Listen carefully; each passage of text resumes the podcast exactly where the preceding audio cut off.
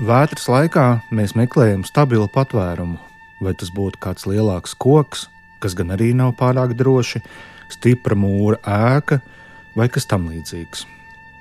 Līdzīgi ir ar vētrām, kuras nav meteoroloģiskas, bet vai nu iekšējas vai ārējo, ārpus mūsu pieredzes notiekošo norišu rezultāts. Šobrīd mūsu kolektīvajai pieredzēji ir mests nopietns izaicinājums - noturēties pret vētru, kura izskatās ir iznīcinājusi humanisma, loģikas, cilvēcības un veselā saprāta fundamentus. Viena no iecienītākajām svētā Augustīna raksturvietām bija no iesaistas grāmatas: Ja vien tu neticēsi, tu nesapratīsi. Ir neskaitāmi daudzi ticības paveidi, kā to vēlāk, tikai varbūt citiem vārdiem atzīmēs arī Romas katoļu baznīcas Latvijā priesteris, baznīcas vēsturnieks un Latvijas Universitātes teoloģijas fakultātes docents Andris Priede. Kaut arī iesakņots kristīgās pasaules redzējumā, Svētā Augustīna darbs atzīšanās, konfesiones, ir uzrunājis lielu skaitu lasītāju no citiem pieredzes laukiem, vai tie būtu agnostiķi, proti, savas ticības ceļu meklētāji, ateisti vai citu reliģiju praktizētāji. Kopējais pētniecības atzinums ir, ka šis darbs ir tapis no 397. līdz 398. gadam pēc Kristus. Augustīns to visticamāk pats ir rakstījis tikai noteiktos apjomos, jo liela daļa no materiāla ir viņa asistentu, pierakstītāja veikums no paša domātāja stāstījuma. Ko rodams šī darba suģistējošais noslēpums? Kāds lasītājs teiktu, autora pazemībā pret savu likteni un izvēlēm, kā arī to, kā tās ietekmē viņa attiecības ar to kungu. Cits uzsvērtu neoplatoniskās filozofijas tvērumu, atkarību no visaugstākā un nerimstošu ciklu, kurā notiek attālināšanās un pietuvināšanās dievam. Svētā Augustīna veikuma ļoti spēcīgi savilkts iešaurinājums varētu būt definējams ar šādu parabolu. Cilvēka ideāls ir laimīga dzīve, kuru var nodrošināt patiesība, savukārt patiesība ir Dievs. Tātad prieks, kurš ir dibināts attiecībās ar Dievu. Pieminot raksturvietu, ka Dievs ir radījis cilvēku pēc sava tēla un līdzības, jāsacina, ka gan Augustīnam, gan jebkuram citam cilvēkam, neatkarīgi no ticības vai neticības, ir vilkme uz ideāla, izsapņotā vai izlolotā mērķa sasniegšanu, un tas var aizņemt pilnīgi visu dzīvi, kas arī ir lasāms domātāja darbā atzīšanās, kur latviskojusi Laura Hansone un kas jau pirms krietnāka laika izdodas apgādā adverbumu. Mūsu saruna ar Andriu Priedi sākas no laicīgās dzīves pieredzes, kas ir būtisks segments iekšējai nepieciešamībai, pēc patiesības un skaidrības meklējumiem, melu un neziņas laikmetā, kurā šobrīd sevi atrodam. Pirms mēs ķeramies vairāk diskusijai par pašu Augustīnu, es gribēju jums jautāt, jūsu pieredzē no iepriekšējiem periodiem, kuros nu, mēs tā varētu secināt, ka ir notikusi kaut kāda veida krīze. Ja? Nu, vai nu tā ir vispār ekonomiskā krīze, tad mums uznāca mūsu pandēmija, tas arī raisīja visādu nogurumu, šaubas, bēdas tiem cilvēkiem, kuriem bija jāšķirās no saviem tuviniekiem. Un šajā krīžu brīdī jums kā garīdzniekam ir novērojumi, ka cilvēki meklē dažāda līmeņa garīgumu. Vai tā būtu baznīca, vai tie būtu svētie raksti, vai arī tieši otrādi kaut kāda vēl vēlme remdināt kaut kur savu stāvokli. Kāds jums tas novērojums varētu būt empirisks?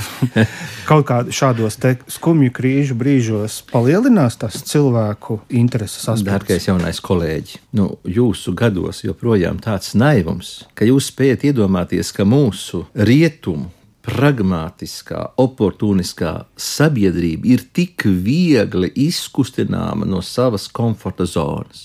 Nevaru pagaidām iedomāties, kam būtu jānotiek, lai cilvēki pēkšņi no praktiskā materiālisma Es nesaku, ka mūsu sabiedrībā valda teorētiskais materiālisms. Tāds, ko savā laikā, tur, piemēram, atceros Mākslas akadēmijas gados, mums Mavriks Wolfsons lasīja PSKP vēsturi, un tad tur bija tas teorētiskais materiālisms jāapgūst.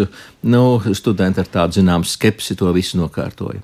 Bet mēs dzīvojam praktiskā materiālisma sabiedrībā, un baznīca un reliģija mūsu sabiedrības, nu, lai sociologi pasakā, cik lielam īpatsvaram, bet ļoti ievērojams visas Rietumē Eiropas sabiedrības īpatsvars, baznīca uztver tikai kā nu, dekoru, nu, kā to, kas nodrošina svētkus. Identiskās svētkus mums nodrošina arī, piemēram, latviešu godu rituāli, un nav nekādas vainas, ja mēs, piemēram, tādās pašās lieldienās apvienojam aizjemu skaistu dievkalpojumu, izvēlamies nu jau sen vairs ne pēc konfesijas, bet tur, kur skan labākā mūzika un mācītājs visīsāk runā, neapgrūtina gariem sprediķiem, un pēc tam pārnākuši no baznīcas, un tad mēs tur ripinām olas, un bērni tur meklē krāsainu zaķus pa dārzu, nu, un tad jau vēl varbūt aiziet kaut kādu tur rumulēšanās rituālu, ko piedāvā kāda folkloras kopa, bet vai tas veido mūsu dzīves, tā teikt,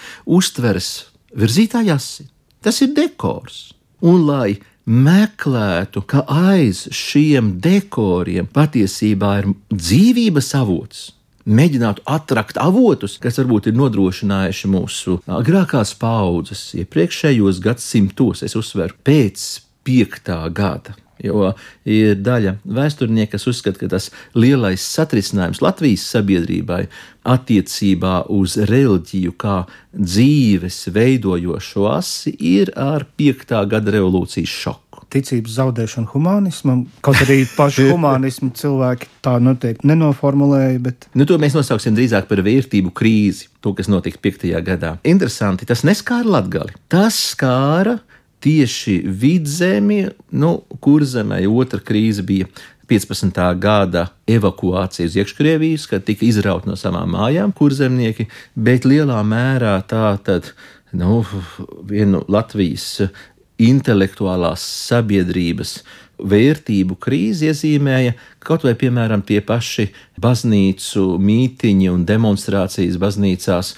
nu, tas sakralisms, sakralitāte tika lielā mērā iedragāta. Un mēs praktiski dzīvojam tādā materiālismā. Padomju laikos mums bija iemesls, kāpēc turēties, nu, lai atšķirtos no tās oficiālās ideoloģijas. Nu, tad tur vajadzēja mazliet pakoķetēt, ka mums ir kaut kāds reliģiskais pasaules uzskats. Bet šodien, šodien Mēs izvēlamies, kas mums mūsu dzīvē liekas piešķir lielāku daudzkrāsainību. Bet, lai teiktu, nu tā, mums tagad ir jāsāk arī pašiem lūgties, ne tikai noklausīties, nu, kā piemēram manā gadījumā, kā es skaisti nodziedu, nu, varbūt ne tik ļoti skaisti, bet nodziedu kādu eh, kanto Gregoriāno, jā, bet lai, lai pats sāktu lūgties, pats teiktu, Dievs, kur tu esi? Kā tas pats mūsu vecais Augustīns, kad viņš pēkšņi sāka no savas praktiskās karjeras, vietas meklēšanas Milānas galmā, saskatīt, ka nu, cilvēks ir kaut kas vairāk kā tikai piedzimst, taisa karjeru, izbauda, ko dzīve piedāvā, nu, un tāda atstāja skaistu mauzoleju, skaistu kapa pieminekli. Nu, tā tad tādas krīzes rietumē Eiropai nu, tad ir jāsaka, mums daudz vairāk ir vajadzīgs. Vai Augustīna atzīšanās var kalpot par palīgu svēto rakstu labākā izprašanā, jo domātājs izvēlētos Bībeles citātus papildina ar savu personisko pieredzi.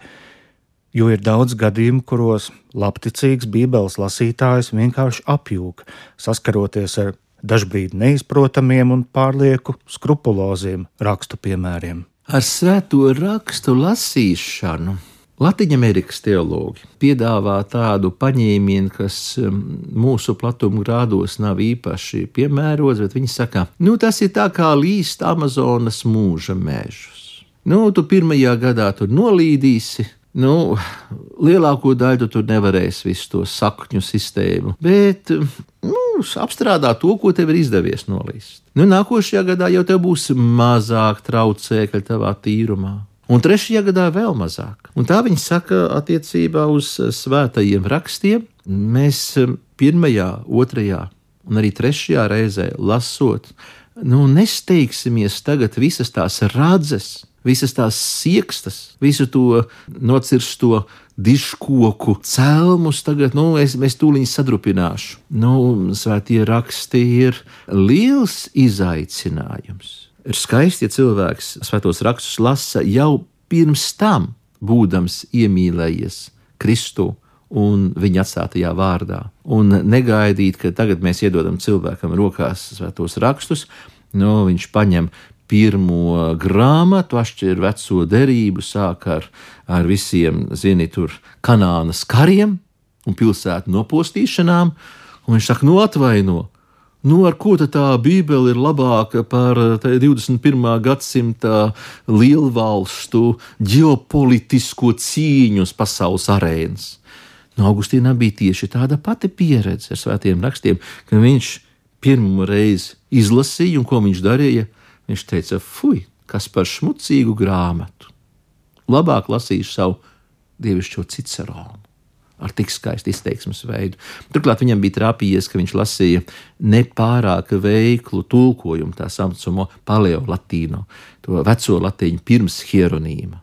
Hieronīms izveidoja skaistu tulkojumu, elegantu, bet nu, Hieronīms eh, bija, jāsaka, ar visiem baznīcas tēviem tas eh, raksturā žultainākais. Pašam Augustīnam nācās no Hieronīma ciest. Viņš tagad uzraksta vienu ļoti galantu vēstuli svētiem Hieronīmam uz Beitlēm, kur viņš tieši specializējās vecās un jaunās darības tulkošanā. Un saka, no es jau neesmu tik liels eksperts svētajos rakstos kā jūs, meistars Un Hernēms viņam atbild: Jā, jūs nesat gan. Nu, tāpēc attiecībā uz svēto rakstu lasīšanu tas Latvijas līdums ir ļoti labs salīdzinājums. Es nevaru rimties par to. Tas ir apsveicami. Jūs nesat šo avotu izdzēris tā, lai kļūtu savs. Nu. Brīnišķīgi. Jūs tiešām Augustīnu īstenojat savā dzīvē.